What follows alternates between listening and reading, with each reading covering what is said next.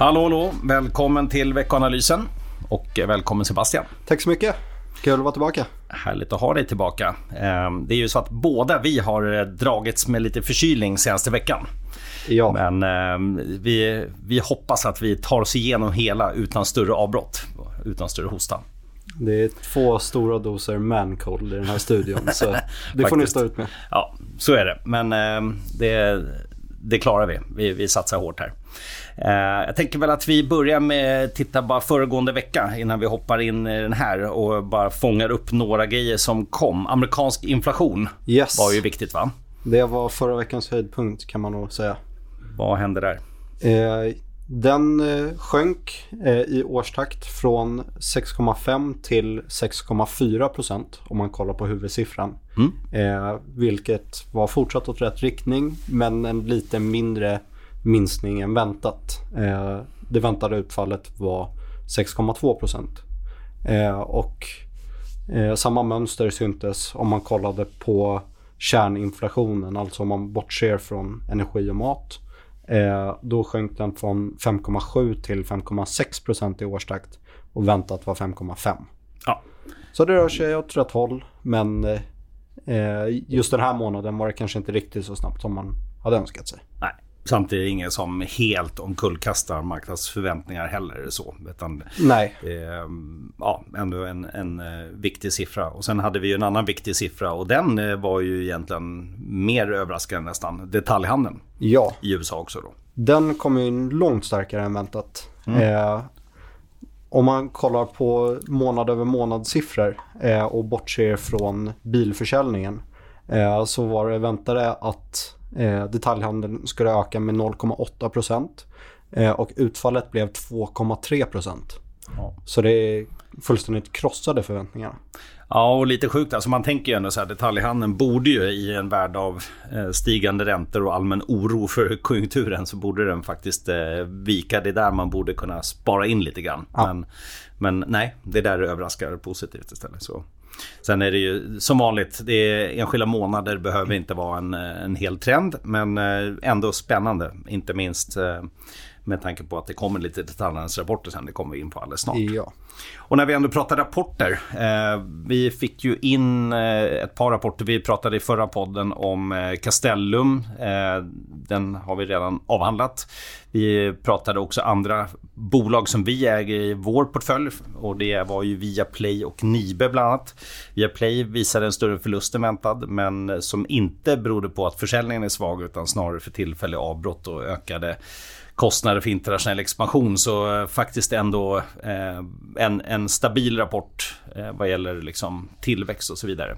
Och så Nibe som kom då med en riktigt bra rapport eh, och också kom med eh, där har det kommit efterhand lite kursrevideringar eh, och eh, det har det också varit för Viaplay, men totalt sett så har ju aktierna utvecklats eh, bra. Då. Nibe föll igår på kursnedrevidering i och för sig från Bofa Merrill Lynch. Men, eh, men annars stabila rapporter egentligen överlag.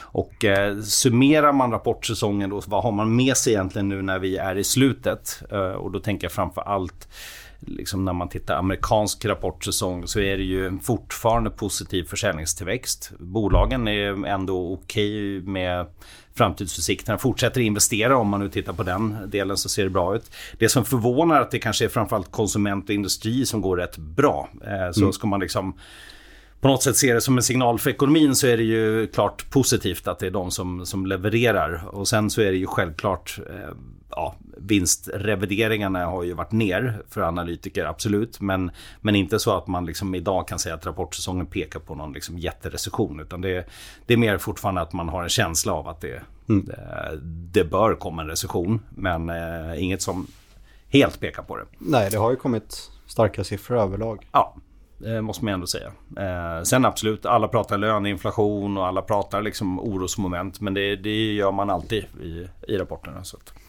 Så att, eh, jag tycker ändå att det, den får klart godkänt. Ja. Eh, totalt sett så.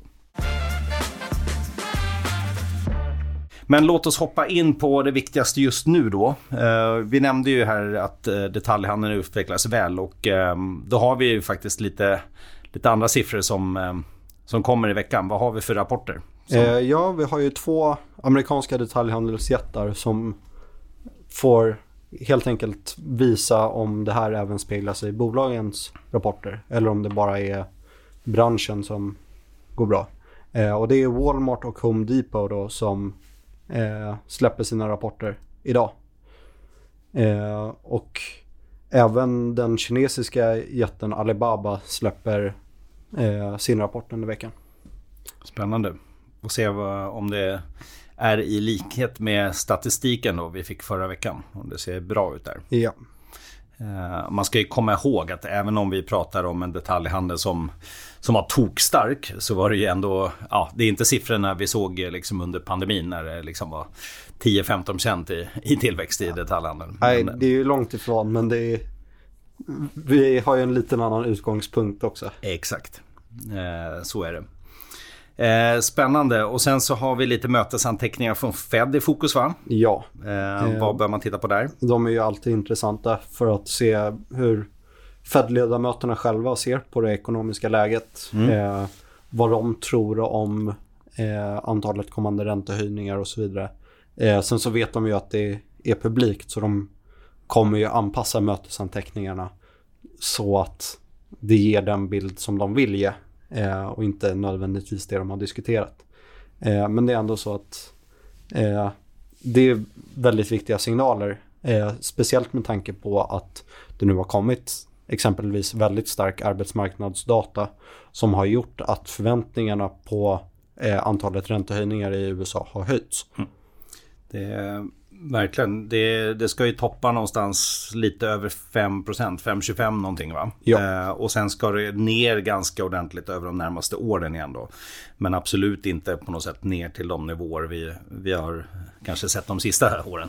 Eh, utan det ska ner mot kanske 3,5 mm. initialt på, på ett par års sikt. Ja. Och, och det här är nog, det tror jag är någonting vi får liksom leva med även i mm. Sverige och andra länder. att den dag det toppar så kommer det säkert kanske stanna av lite där. Sen ska det ner lite men det ska nog inte ner till det vi har sett. Liksom. Nej. Jag tror inte man gör om samma misstag och stimulerar så pass hårt som man kanske har gjort sista åren. Det, det blir liksom för kraftiga svängningar. Det dröjer nog länge innan vi är nere på minusränta igen. Ja, eh, så lär det se ut. Eh, och när vi ändå pratar Sverige, vi fick svensk inflation igår måndag. Ja. Uh. Och lite intressant som vanligt. Uh, man läser kanske en tidning, ja, den uh, föll. Nästa tidning, ja, den var högrementad. Eller den var, ja, det, det, det, det är fritt tolkningsföreträde som vanligt. Ja. Ta oss igenom kort, vad, vad var det som faktiskt kom för ja. siffror?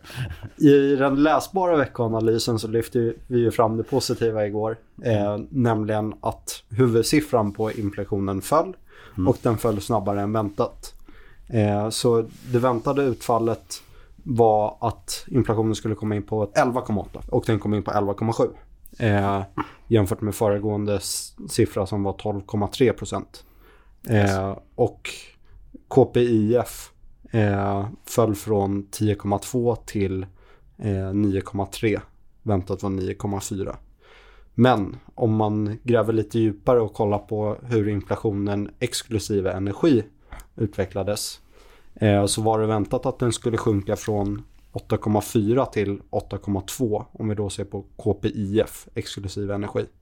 Men istället så steg den till 8,7 procent i årstakt. Mm. Eh, och värst av alla var månadssiffran för KPIF exklusive energi.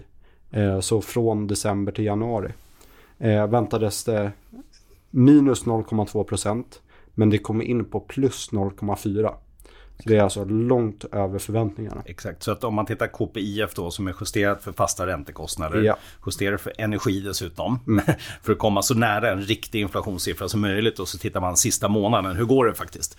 Det då, liksom, då, går då det åt helt fel håll. Då går det åt helt fel håll, ja. precis. Så det är viktigt att ha med sig liksom att vad vi tittar på, för det är lätt att bara titta på en övergripande siffra och dra en slutsats, utan det är så som Sebastian berättar nu, det är i princip så Riksbanken också behöver tänka. Ja. Eh, vilket gör att vad, vad, tror vi framåt? Kommer det bli liksom 25 punkter, 50 punkter närmaste mötena? Eh, först kan vi passa på att lyfta fram att det finns folk, eller ja, experter som de utger sig för, att vara.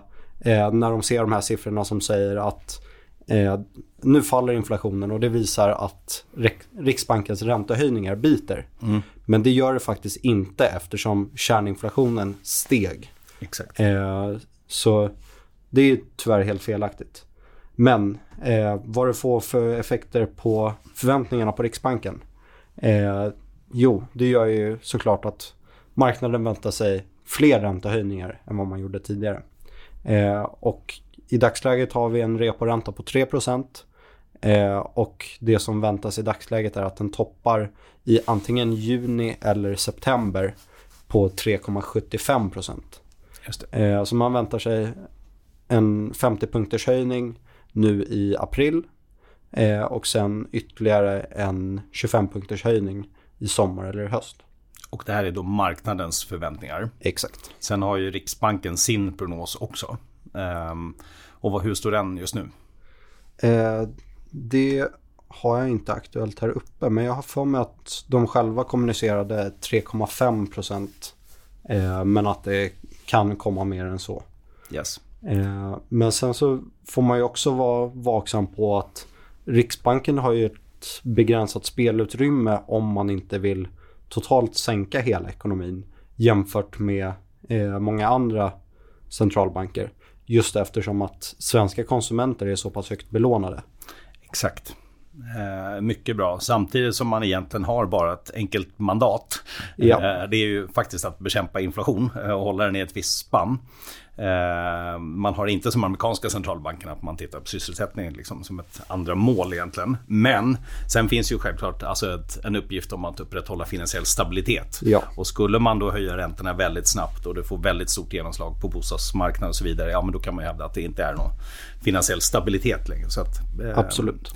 Så att he, helt korrekt. Eh, så att onekligen så måste man ta hänsyn till det i viss mån. Och på den här nivåerna när vi börjar se eh, bolåneinstitut eh, lägger upp listräntor över 5 ja mm. men då kan man nog också börja tänka att det, det börjar kännas för en del personer. Att det, ja, sen är genomsnittsräntorna inte riktigt där kanske än men det, det är nivåer som historiskt kanske inte sticker ut extremt mycket men det har gått väldigt, väldigt fort från liksom att man nästan i princip har lånat gratis. Mm. Så, att, så att nog börjar det kännas så.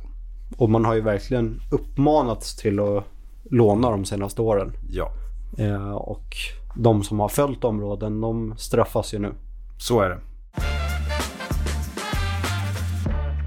För att ta oss lite vidare då. Eh, svensk inflation redan presenterad. Sen har vi på onsdag tysk inflation. På torsdag kommer slutgiltig inflation för eurozonen. Och sen ja. har vi på fredag det här det som heter PCE-inflation. Och ja. vad är det? Eh, det är Feds, den amerikanska centralbankens favoritmått på inflation, brukar man kalla det för. Eh, det är den som de följer mest. Eh, Core PCE inflation. Eh, och det är då kärninflationen mätt på ett annat sätt än KPI. Eh, och den siffran var i föregående mätning 4,4 procent. Väntas falla till 4,3. Eh, och det innebär att de är ju faktiskt snart nere på eh, nivåer som är inom centralbankernas mål. Mm. Eh, och den amerikanska styrräntan är ju en bra bit över det här inflationsmåttet. Så Ja, nej, så är det. Det är faktiskt lite intressant. Eh, samtidigt som det är en nivå som har varit mycket, mycket lägre än, än KPI. Så den har ju liksom toppat kring 5 någonting eh, och inte varit på de här nivåerna egentligen sedan 90-talet. Så det, det, det är liksom, den är lite mer dämpad, den korgen liksom av inflation. Eh, så är det men, absolut. Men ja, den, eh, den går åt rätt håll. Eh, och det blir väldigt spännande att se på fredag som sagt. Spännande. Eh, och det är ju liksom inflation som sätter agenda framöver. Så vi, vi får se hur, hur det utvecklas eh, under närmaste tiden helt enkelt. Då. Ja. Eh, och inte minst också arbetsmarknad. Då. Mm. Eh, det är ju det som egentligen är i fokus kan man ju säga beroende på Alltså om man vill bedöma vart, vart Fed tar vägen då. Eh, om vad man nu har kvar helt enkelt i, i höjning mm. framöver. Yes. Um, Ska vi kika lite mer på aktuella händelser? Ehm, eller har vi något att tillägga kring inflation centralbanker? Som vi inte har fångat upp, tycker du? Eh, nej, det är väl bara att poängtera det att när inflationen kanske inte riktigt faller tillbaka så snabbt som man önskar överallt, eh, framförallt i Sverige då, eh, då pressar ju det centralbankerna att höja räntan mer än vad som tidigare var väntat eh, och det får även effekt på aktiemarknaden och räntemarknaden och så vidare. Mm. Eh, och eh, straffar ju exempelvis eh, tillväxtbolag mycket när räntorna yes. stiger och så vidare. Men vår bedömning är ändå att eh, åtminstone i USA, som trots allt är den viktigaste inflationssiffran, eh, så kommer vi se inflationen sakta men säkert rulla över. Eh, så det bör, den bör rulla över och eh, räntesänkningar bör kunna komma redan under det här året. Yes. Ja. Det spikar vi, tycker jag. Uh, yes, uh, tiden går fort, det var roligt. Det blir mycket centralbanksfokus idag. Men det, det, är ju så det är. Mycket av det styr marknaden. Sen har vi lite annan makrodata som kommer i veckan. Vi har uh, lite preliminära BNP-siffror från USA på torsdag. Vi har definitiva BNP-siffror från Tyskland på fredag. Eh, vi har IFO-index, eh, ekonomisk sentimentsindikator från Tyskland som kommer på onsdag och vi har lite preliminära inköpschefssiffror både från eh, EMU och USA på tisdag. Så att, ja, inget egentligen som, som i förväntningarna ser ut att sticka ut särskilt kraftigt utan likhet med föregående nivå. Men desto väl viktigt att hålla koll på vad siffran faktiskt landar på. Sen tänker jag också, vi har ju eh, haft stängt i USA igår. Eh, vi har några rapporter eh, som vi har nämnt, Walmart bland annat. Och i Sverige så är det ju verkligen att det börjar tunnas ut. På torsdag kommer Lundbergs SBB, sen har vi på fredag Elekta som vi har en positiv rekommendation på. SAS kommer på fredag. Eh, annars faktiskt väldigt, väldigt eh, tunt eller snarare mindre bolag som, som kommer som eh, kanske inte vi fokuserar så mycket på. Eh, någonting annat som du känner att vi har missat eller som vi bör titta på? Eh, fortfarande alltså grymt bra utveckling i år måste ja. man säga. Absolut. Eh, sjukt bra start liksom. Inte minst i Sverige. 11% upp eh, när vi stängde förra veckan. Är, och Sverige faktiskt stack ut lite också. Kul. Ja. Eh, upp 2% förra veckan. Så ehm, ser, ser ju faktiskt väldigt bra ut. Det får man definitivt vara nöjd med. Då säger vi så den här veckan och tack för att ni lyssnar. Och så hörs vi nästa vecka. Tackar. Ha det bra.